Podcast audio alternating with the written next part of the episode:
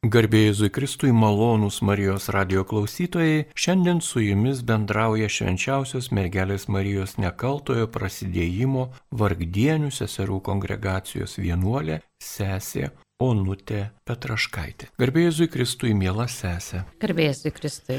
Taigi, apie ką papasakosite šioje laidoje? Šiandieną aš kalbėsiu apie palaimintąjį Jurgį, kadangi švenčiame jo gimtadienį, balandžio 12 yra jo gimtadienis, tai ta proga kalbėsiu apie tai, ką jisai mums nori šiais laikais pasakyti, galbūt e, ar patarti, ar padėti. Taigi, šiomis dienomis visi esame baimėje ar išgyvename tam tikrą baimę. Visi esame įsitempę.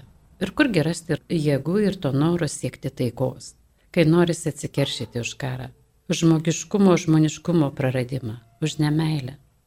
Esame sutartinai visi pikti ant vieno žmogaus ir net ant vienos tautos. Esame. O kaipgi tais laikais ir įtemptais laikais gyvena palaimintasis Jurgis. Ir mane pačią visą laiką pritrenkia ir nustebina pirmieji jo užrašų žodžiai. Dievas te būna viduriu viso mano gyvenimo, ašimi, apie kurią viskas suktusi šitie žodžiai mane kažkaip tai labai labai nustebina, bet būtent palaimintasis Jurgis Matulaitis iš karto tarsi moto tokį parašo, apie ką bus jo užrašai, arba į ką jis kreips dėmesį, arba kas bus po jo kojomis, galim net ir taip sakyti, kas bus tuo, ta jėga, tuo viduriu, kur gali jis atsispirti.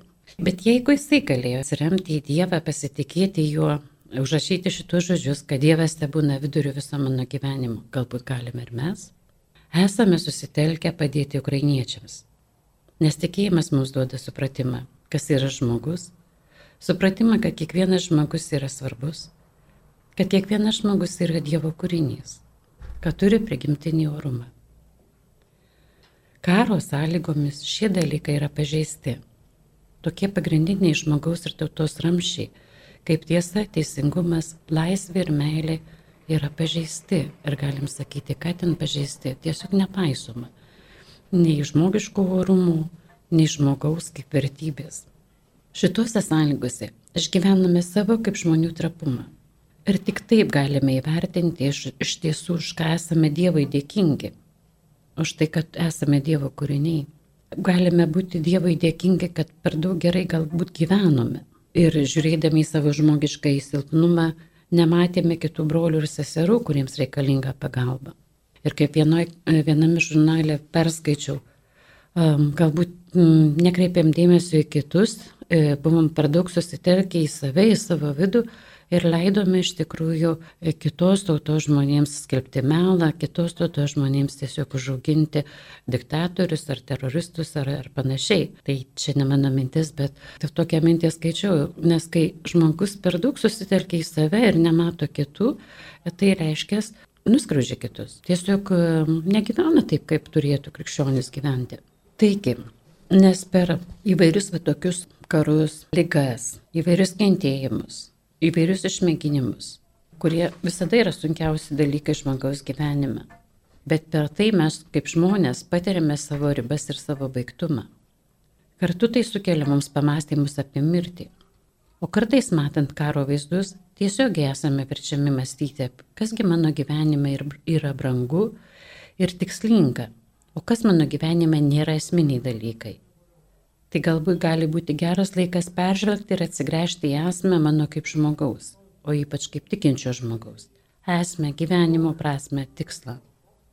Šie dalykai labai dažnai mus verčia ieškoti dievų, į jį gręžtis, pas jį sugrįžti.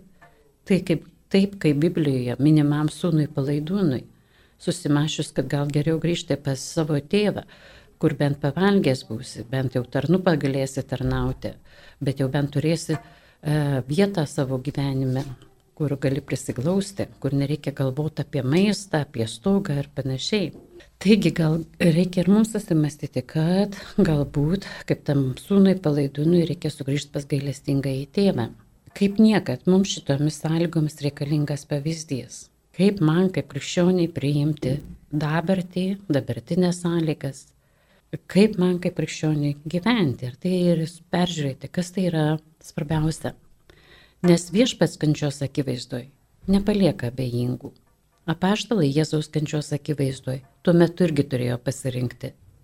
Ar išduos savo mylimą mokytoją, kaip pasilgė Judas, supratęs, kad mokytojas nenori čia įkurti žemėje savo kažkokio žemiškos karalystės ir neduos tikriausiai jam nei ekonomikos ar finansų ministro sosto. Nepaskirs jo gynybos ar krašto apsaugos ministro ar atsakingųjų. Nebus jam jokios naudos iš to.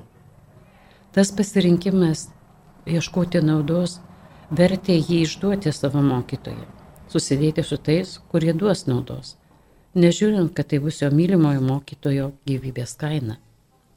Po to nepakentęs sąžinės graužimų kad per savo kvailą galvą, galim taip sakyti, išdavė nekaltai. Graušis, bet jau bus per vėlų. Šiomis dienomis girdime labai daug priekaištų Dievui. Kodėl jis leidžia tą karą?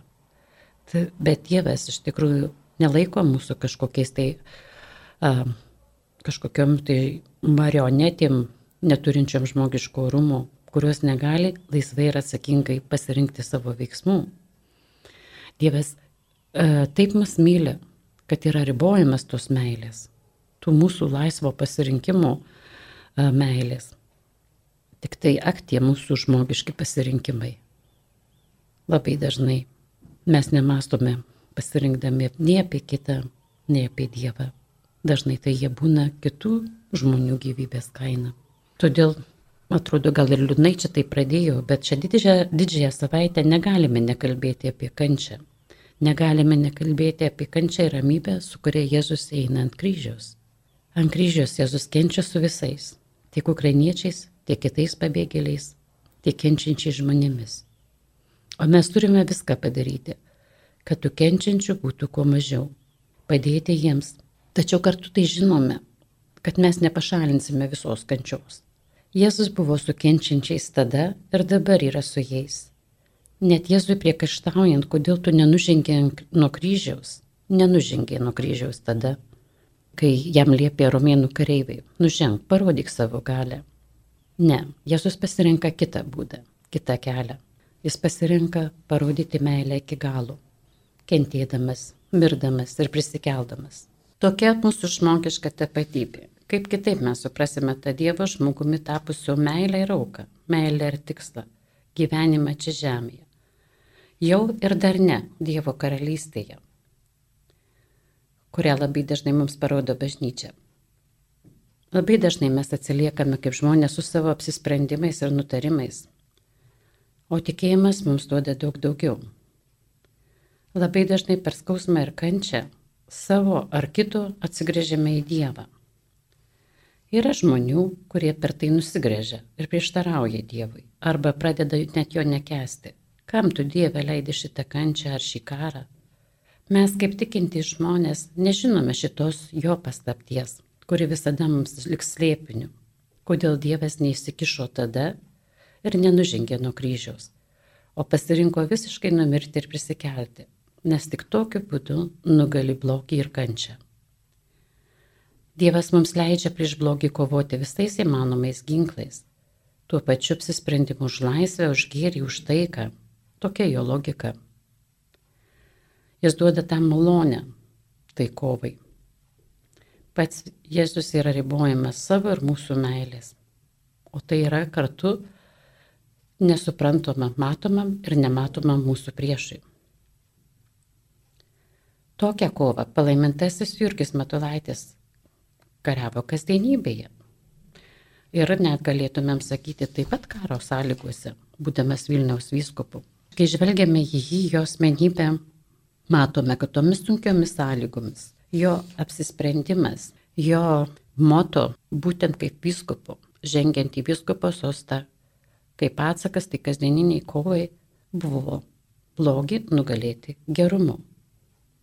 Net karo sąlygose, net besikeičiant septyniom valdžiom ar daugiau, kurios nesuprasi, ko nori, nesuprasi, ko ir beklausyti netokiomis sąlygomis, kai nekarta grasinama mirtimi, ramiai ir drąsiai atšaudamas, kad aš nesitrauksiu iš pareigų, o jeigu ši mano auka reikalinga, aš būsiu jai pasiruošęs. Šitaip gali pasakyti tik žmogus, kuris prisiminkime, jau buvo nekarta arti mirties. Net būdamas jaunas, nekarta išgyvena sunkia tuberkuliozės paliestos kojos ir rankos, ne vieną operaciją. Galbūt todėl, dar tebe būnant moksleivių, gimnazistų, dažnai rinkdavosi ir apeidavo kryžiaus kelią. Melsdavosi šią maldą, apmastydamas Jėzaus kančią. Turbūt stengiasi vienyti su jo kryžiumi, kuriuo bus pažymėtas visas jo gyvenimas. Reikia pasiminti, kad jam bemonant kunigu, o juk tai buvo labai sunkiai pasiekta ir svajota kunigystė, kurį jį be galo džiugino, kuri jam visuomet buvo aukščiausiojo dovana. Taigi, tapus kunigu ir pasiekus jau nemažų mokslų, kai atrodo, kad kuo daugiau benorėti, gali tik savo ramiai dirbti, bet va, vėl lyga, skausmas ir atsiduria Varšuvos ligoninėje, labai arti mirties. Ar dar ne bet kokio ligoninėje, o vargšų ligoninėje. Ir jeigu ne viešpaties gailestinga ranka, turbūt nebūtų iš jos išėjęs. Taigi ta ranka atėjo per kitus žmonės. Bet pats palaimintasis buvo pasiruošęs Dievo malonės dėka išgyventi šios sunkumus ir net gertėjančią mirtį. Tiesiog viską atidavė viešpačiui. Tačiau išgyvenęs šios sunkumus dirbo toliau ramiai pasitikėdamas Dievo malonę. Būtent ir tada sakęs, kad Dievas te būna viduriu viso mano gyvenimo. Jau nekartą atvėrė savo širdies duris Kristui, niekad jų jam neužvėrė. Net ir patirdamas sunkius išbandymus, nemurmėjo prieš Dievo vaizdą. Dievo valia, sakydavo jis, tuomet save ramindamas, kad Kristui šiam pasaulyje buvo blogiau negu man. Kai kentėjimai ir daromas spaudimas atrodydavo viršydavo net jo žmogiškas ribas, jisai stengdavosi kilti dvasia aukštyn Žinojo, kad iš amžinybės ir aukštybės žvilgsnio kalnai atrodys tarsi kalvos. Niekada niekam nekerštavo, nors aiškiai žinojo, koks žmogus, kas jį skundė, kas jam blogą linkėjo ir darė. Kaip jisai sakydavo, tą blogį darydavo vis dėlto labai geri žmonės. Turėjo jo klausyti, jo kaip ganytojo ganomi žmonės kaip jis į tą blogį, į, į aplinką reagavo. Paprasčiausia, blogį nugalė gerumu. Kaip mes galėtumėm tai atsakyti patys tokiomis sąlygomis? Niekaip turbūt. Jeigu palaimintasis nebūtų statęs pasitikėjimo viešpačiu, kuris bus tuo pagrindu jam visada, tai Kaipgi tu nenorėsi keršyti ar tiesiog priimti sprendimus blogus tam žmogui. O, o kai esi pastatęs e, viešpatį už pagrindą, už tą e, sukimąsi aplink jį, jo garbę, tada tu nenori iš tikrųjų keršyti kitam žmogui, nes tiesiog Jėzus mokė. Viešpatį atleiskiems, nes jie nežino, ką daro nenorėsi priimti blogus sprendimus vien tik tai todėl, kad kiti nesuprastami blogai elgesi. Tai žinoma, tiek mūsų įpareigoja, tiek pats Matulaitis nesitaikstė niekad su blogiu, iš kuris be ateitų ir koks jis bebūtų. Labai atskirdavo žmogų nuo jo blogų veiksmų. Savo laiškose bičiuliams nekartą rašė, kad susitinkame šiame gyvenimo kelyje su visokiamis kliūtimis. Nieko tome nematome ypatinga. Reikėtų stebėtis, jeigu būtų kitaip. Juk Kristus kentėjo ir jo bažnyčia gimė ir augo kančiuose. Pagaliau žmogus ne tik darbu tarnauja Dievui, bet ir malda, gerų pavyzdžių, kentėjimais. Jei kantriai neša kryžių, lygų ir visokių negandų Šitaip rašė laiškuose savo draugams Totoraičiui ir Julijonui Kazakui. Ar pats Matulaitis norėjo kentėti? Ar troško kančios? Tikrai ne. Kaip ir mums nesinori tos kančios. Tačiau, kai Matulaitė sakydavo, kai ateidavo ten daug kančių arba pasitaikydavo e, kasdienybėje kažkokia nemalonumai, kažkokia kančia, jis tiesiog sakydavo, turime tai iškesti. Ir tos kančios nereikia trokšti. Jau pakanka to, ką duoda pats gyvenimas. O tas gyvenimas ir jo sąlygos, žiūrint iš šio laikmečio žvilgsnių, Jam turbūt atsekėjo tiek kančios ir skausmų, tiek fizinių, tiek moralinių ir dvasinių, kad atrodytų vienam žmogui būtų ir per daug, ir nepakeliama, ir prislėgtų, galbūt net ir sutriuškintų, žmogiškai žiūrint bet kurį kitą žmogų. Tik ne tą, kuriam Dievas buvo viduriu visojo gyvenimo, kuriam Kristus buvo pavyzdžių to žemiško ir žmogiškojo kryžiaus nešimo. Tuo pavyzdžiu kurio niekad iš akių neišleido, iš kurio mokėsi ir nuolat juo pasitikėjo, jame atrasdamas gyvenimo tikslą ir prasme. Kaip kuningas Šauklys savo atsiminimuose sakys, bevelėjo turėti nemalonumų dėl blogybės, negu daryti ir tiesiog nemalonumų tai būtų kitam. Dėl sunkių uždėtų jam pareigų niekad nesiskundė. Visada iškesdavo tai, ką galėjo pakelti, tai, ką galėjo iškesti. Man labai patinka viena jo citata, kurią rašo geriausiam savo draugui būčiui laiškuose, kad žinoma, kryžius tik paveikslėliuose gražus ir iššaudo gėlėm papuštas, o tikrasis gyvenimo kryžius visuomet sunkus, visuomet slegia, bet tik per jį ateina prisikėlimas. Kitoj vietoj, kai buvo labai jam sunku, ir net grėsi kunigystės suspendavimas už darbą su darbininkais Varšuvoje ir Kilcuose. Ir tai sužinojęs labai pergyvenu. Sakė, kad kaip nesavas jaučiausi kokias dvi savaitės. Atrodė, kad tiesiog susirgęs jaučiausi. Bet iš Dievo malonės išgyjau. Ir nuo tada nebepaisiau žmonių nuomonės. Tai nereiškia, kad nebuvau jautrus žmonėms o kaip tik į tą savo sunkę dalę visada stengiasi atsakyti kitiems padėdamas, kitus paguosdamas, visada kreipęs dėmesį į kitus ir gyven, ypač į gyvenimo nuskriaustuosius. Pats iškentęs našlaičio dalę visada atliepdavo į našlaičių rūpeščius, steigė jiems namus.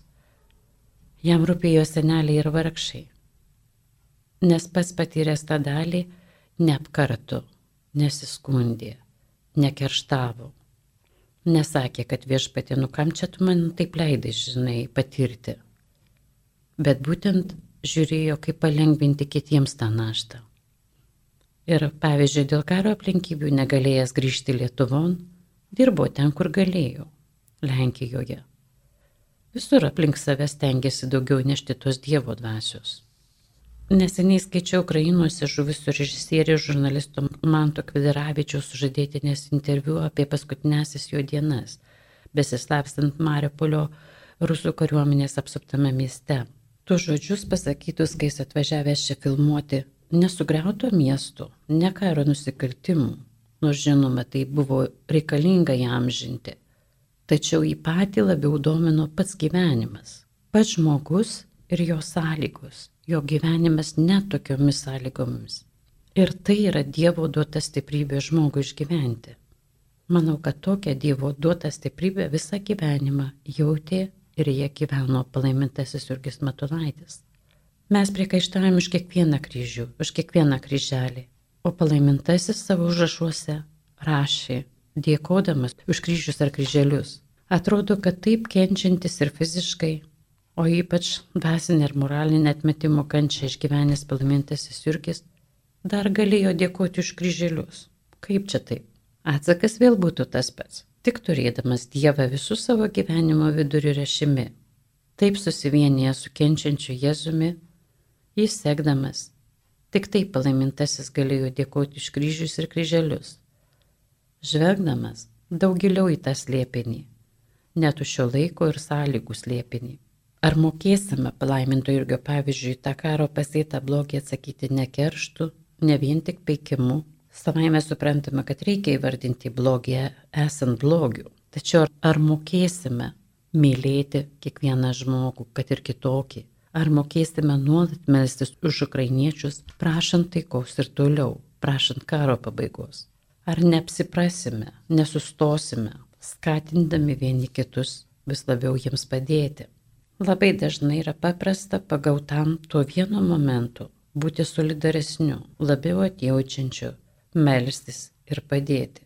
Tačiau žymiai daug sunkiau, kantriai ir ištvermingai, nuolat padėti pabėgėliams nuo karo. Ištvermingai ir nepavargstant būti solidariems, atjaučiantiems, įsiklausant į savo sąžinę, ko ir ką aš galiu padaryti geriau ir labiau, kad kitam būtų pagalba ir parama, siekiant visų bendro gėrio siekiant Jėzaus atnešto gyvenimo, kad jo apšiai visur būtų. Galbūt kartais nedalinantis tuo pačiu būstu, ne vieną dieną ar ne vieną mėnesį, o gal net kartais susiveržint dėl šių sąlygų savo pačių diržus. Taip, mums buvo gerai gyventi, kai visko turėjom, atrodo, ar ne, ir iš Rusijos visko gavom. Tačiau, kai dabar iš tikrųjų turim būti solidaresni už tai, ką pasaulyje ir ypač už tai, ką Ukrainoje, pradedam niurzgėti, niurnėti, oi, tai čia dabar atvažiuos, čia mums viską paims. Tai kur čia mūsų ta krikščioniška meilė? Tai kur čia mūsų ta ištverminga malda ir darbas? Malda ir darbais. Kaip tik tokiais momentais palaimintasis Jurgis Metulaitis atsakydavo į tuos visus nesusipratimus, į karo sąlygas. Nebuvo jam lengva po to pirmojo pasaulinio karo, o būtent jisai sakė, nepavarkti, kantriai nešti kasdieninius kryželius. Bet būtent šito moko mus ir šiandien palaimintasis, sakydamas, kad nepamirškime, jog kai turime Dievą po savo kojomis, kai turime jį vidurių savo gyvenimo, tai viskas apie jį ir sukasi. Nepamiršti ir nepavarkti, kaip popiežius Pranciškus sakytų, tikėti, kad malda visada padeda. Kad Jėzus ir šventieji ėjo tuo kryžiaus keliu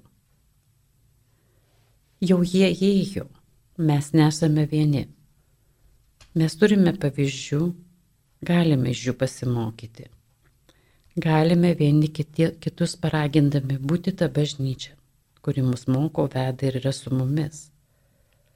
Paraginti tos pačios Dievo dvasios, nepavarkime ištvermingai ir kasdienybėje kovoti tas dvasinės kovas.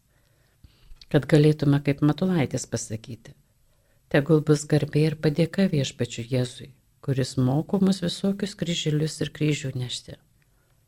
O Dievo šlovėje, padėka, garbė ir taika žemėje neatskiriami dalykai. Jie neatskiriami ir šioje kasdieninėje mūsų kovoje, dvasinėje kovoje. Savai mes suprantame kartais ir fizinėje kovoje, kaip kare pavyzdžiui, kaip mes dabar sakome, kad netikinčių nėra. Tad negalim pavarkti kovoti šią, šią kovą. Jėzus mums to neleidžia. Matulaitis moko tą.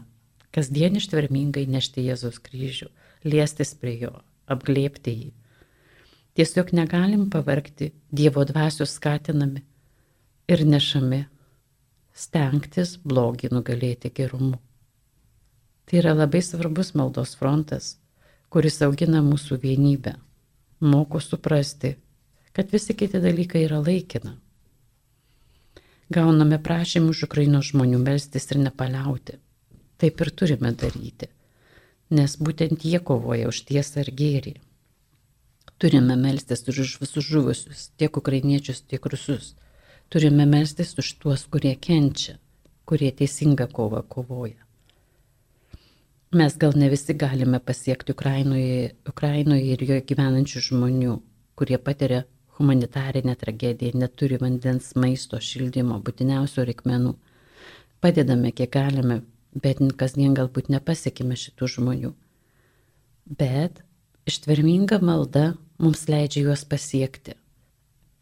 Jis ta malda tarsi materializuojasi kažkokia tai pagalba, gal per kitą žmogų, gal per kito paramą, padėjimą, nuvažiavimą, pravažiavimą per įvairius dalykus.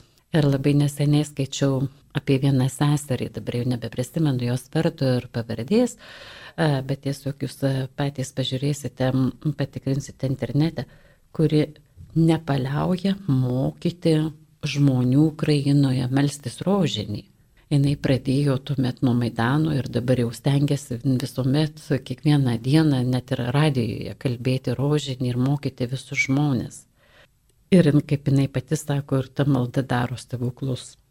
Ir toks vienas jos liūdėjimas man įstrigo tiesiog, kad eina žmogus, e, nešasi rožinį, pats nežinodamas iš tikrųjų, kas tai per daiktas netgi yra. Tačiau mm, jisai sako, Bet šitas daiktas man kare padėjo, man padėjo išgyventi. Tai va tai, ta malda už kitus tos žmonės, iš tikrųjų, jinai padeda tiems žmonėms gyventi. Ir tik tai Dievas tikrai žino, kaip pasiekti tus žmonės ir jiems padėti. Jei gauname pagalbos prašymą ir galime padėti, bet uždarome širdį, o nutarėm, kad aš gal geriau pasimelsiu, tai maldos negana. Reikia ir maldos ir darbų. Nes jeigu mes atsisakome žmogui padėti, tai yra slėpinės nuo meilės. Reikia tiek meilės, kad pajėgtum melstis ir daryti gerus darbus. Palaimintasis Jurgis čia yra mums pavyzdys. O dabar trumpai apie palaimintą Jurgį Matolaitį nori pasidalinti jo mylėtoje Jurgita. Bet tėvą Jurgį pirmą kartą išgirdau prieš daugiau nei 20 metų. Ir mane nepaliauja dominti jo asmenybė, mąstymo būdas, jo veikla įtaką, kurią jo asmenybė darė ir daro tiek religiniai, tiek likusiai visai visuomeniai. Tai nepaprastai stiprus lyderis, labai tvirtos valios, aiškiai reiškia mintis, įkvepia kitus siekti Dievo, santarvę su Dievu, taip pat kas labai svarbu - siekti vidinės harmonijos pačiam su savimi per tikėjimo prizmę. Be to, jo mintis aiškios ir suprantamos, nėra jokių aukštų frazių. Palaimintas Jurgis Matulaitis man asmeniškai leidžia pažvelgti į mano dienos aktualijas truputėlį iš kito kampo, kitur sudedant akcentus. Aš susikalibruoju savo lūkesčius ir mintis per tikėjimo prizmę. Ir palaimintas Jurgis, Matulai, e, palaimintas Jurgis Matulaitis mano gyvenime jis tiesiog yra. Kaip kad ir šiandien. Didžioji savaitė, išsilgė per gavienę, atsisakytų pramogų, skanaus maisto, kitų džiaugsmų. O balandžio 12 palaiminto Jurgio kalendoriaus lapelio mintis mums sako, kuomet kūnas klauso dvasios tikėjimo apšviesto proto, kuomet kūnas padeda mums darbuotis, tik tuomet jis yra mūsų prietelius ir draugas. Taigi, ar gali būti aiškiau, kūno poreikius pramogoms girdėkime, tačiau išlikim stiprios valios, tiek, kiek reikės Mes visi pastoviai girdim daug iškelių istorijų apie įvairias istorinės asmenybės - palaimintuosius, šventuosius. Štai čia gal reikėtų pabandyti tiesiog sustoti, paviršutiniškai vartoti tas istorijas ir išlaikant nuoseklumą, nerti gilį ir pradėti tomis asmenybėmis domėtis iš esmės, žingsnis po žingsnio. Ir kai atrandi šventąjį ar palaimintąjį, tam, kad jis tave lydėtų, palaikytų, įkvėptų, tą santyki reikia susikurti stiprinti. Ir tą daryti paprastai. Jam melstis, prašyti palaimintojo užtarimo, pagalbos, prašyti aiškumo, supratimo, atsakymo, palaikymo ir taip toliau ir taip toliau. Minėsime tėvo Jurgio gimimo 151 metinės. Palaimintas Jurgis Matulaitis buvo aštuntasis vaikelis gimęs Lūginėje šventų Velykų savaitę Andriaus ir Uršulės šeimoje. Pasak Stasio Ilos, buvo didelė paguoda pusamžio sulaukusiems tėvams. Todėl tą progą norėčiau pacituoti kitą palaiminto Jurgio Matulaičio mintį, kalendorijoje įdėtą ties jo gimtadieniu. Dieve, štai aš, imk mane, daryk, ką nori su manimi, duok, kad būčiau palankių įrankių tavo Dieve rankose. Tegu tik tavo garbė auga, tavo karalyje platinasi, tavo valia pildosi. O šventų Velykų proga seks Dar viena paskutinė, kurią noriu pacituoti tėvo Jurgio mintis, kuri man yra viena iš gražiausių ir giliausių. Ir nereikia Dievo ieškoti toli, jis yra mumise, mes esame jo buveinė ir jo malonumas. Todėl dar kartą labai linkiu kiekvienam atrasti savo palaimintąjį ar šventąjį, nematomąjį patarėją, užtarėją, palaikytoją. Ir taip pat noriu palinkėti visiems viltingų šventų Velykų. Dėkoju. Norėtųsi pabaigti gražiais pasakytais, perskaitytais Bernardinų dienraščio puslapyje Virginijos Adomonytės žodžiais, kad Dievas kviečia mus dialogui. Mano suvargusi širdis susitinka Dievo širdį, atvertas mano skausmingiems išgyvenimams ir nevilčiai. Nevilčiai dėl žmonių širdies kietumo ir nusikaltimo meiliai. Tai kada aš sugrįšiu prie širdies meilės? Kada išgirsiu nulatinę Dievo dėjonę dėl mano veiksmų, žodžių, minčių? Dievo širdis dėjoja ir yra nuliūdusi dėl mano aklumo, dėl mano nejautrumo. Pats Dievas panyra į skausmą dėl manęs. Ir jam nesutrukdo dovanoti malonių, prikeliančių mano širdį Dievo numatytam gyvenimui. Lengviausia prisiglausti prie skausmo sužeistos Dievo širdies, nes jis toks panašus į mano vargingumą. Aš tokį Dievą lengviau atpažįstu. Einu skausmo keliu ir jaučiu, kad tame kelyje sutiksiu Dievą, nes jis pirmas iškentėjo skausmą ant kryžiaus, lyg sakydamas, kad žemė yra daug skausmų. Bet viešpats nenužengė nuo kryžiaus, o pats pirmas įnešė ir nunešė. Skausmo kelią pradėjo eiti Dievas, o toliau aš einu, bet kartu su Dievu. Einu su savo skausmu, bet viešpats neša mano skausmą kaip savo kryžių prisikėlimo link. Aš sutinku viešpatį su kryžiumi ir prašau jo, panešk ir maną į kryželį. Panešk tą mano skausmą, kurį tu Dieve išgyveni dėl pasaulio. Sujung su manuoju skausmu. Ir tie sujungti skausmai virsta malonę gyventi Dievo valia skirtą gyvenimą. Tik tokiu būdu kartu su palaimintuoju Jurgiu galime glaustis prie viešpaties kryžiaus. Ir ypač tom vargingumo dienom ar net karo sąlygom, kurias mes dabar išgyvenam. O Kristaus Velykų slėpinys nuveda mus į neteisingumų, smurto ir kančios šerdį. Kristaus ir kančios ir meties pasakojime ataidi žmonijos kentėjimai ir tragedijos, patirtos daugelie pasaulio kraštų. Kristuje Dievas glaudžiasi prie žmonijos, priimdamas mūsų ribotumą ir neapykantą, mūsų beviltiškumą, pasipiktinimą, fatališkumą ir baimę, paversdamas visą tai viltimi per pasitikėjimą juo. Ir šitas prisiglaudimas prie kryžiaus įvyksta kiekviename žmoguje, kurį Dievas myli Ir taip yra visame pasaulyje. Ir kaip pat prie gaustis prie kryžiaus, iš kogi mes išmoksime, jeigu ne iš to paties palaimintų irgi matulaičio, kuris kiekvieną dieną nepavargo eiti prie jo, glaustis prie jo, apkabinti tą jo kryžių, kuris net penkiolikmetis būdamas jau glaudėsi, ėjo tų kryžiaus keliu. Nes kaip kitaipgi galim mokėti arba išmokti kovoti tą kasdieninę kovą. Kaipgi kitaip mes išmoksime glaustis prie to kryžiaus, jeigu neturime pavyzdžių, jeigu niekas mūsų nemoko. Todėl mums reikalingi palaimintieji ir šventieji, kurie, kaip palaimintas jis irgi sako, pirmieji ėjo tuo kančios keliu. Jie yra mūsų mokytojai ir pavyzdžiai.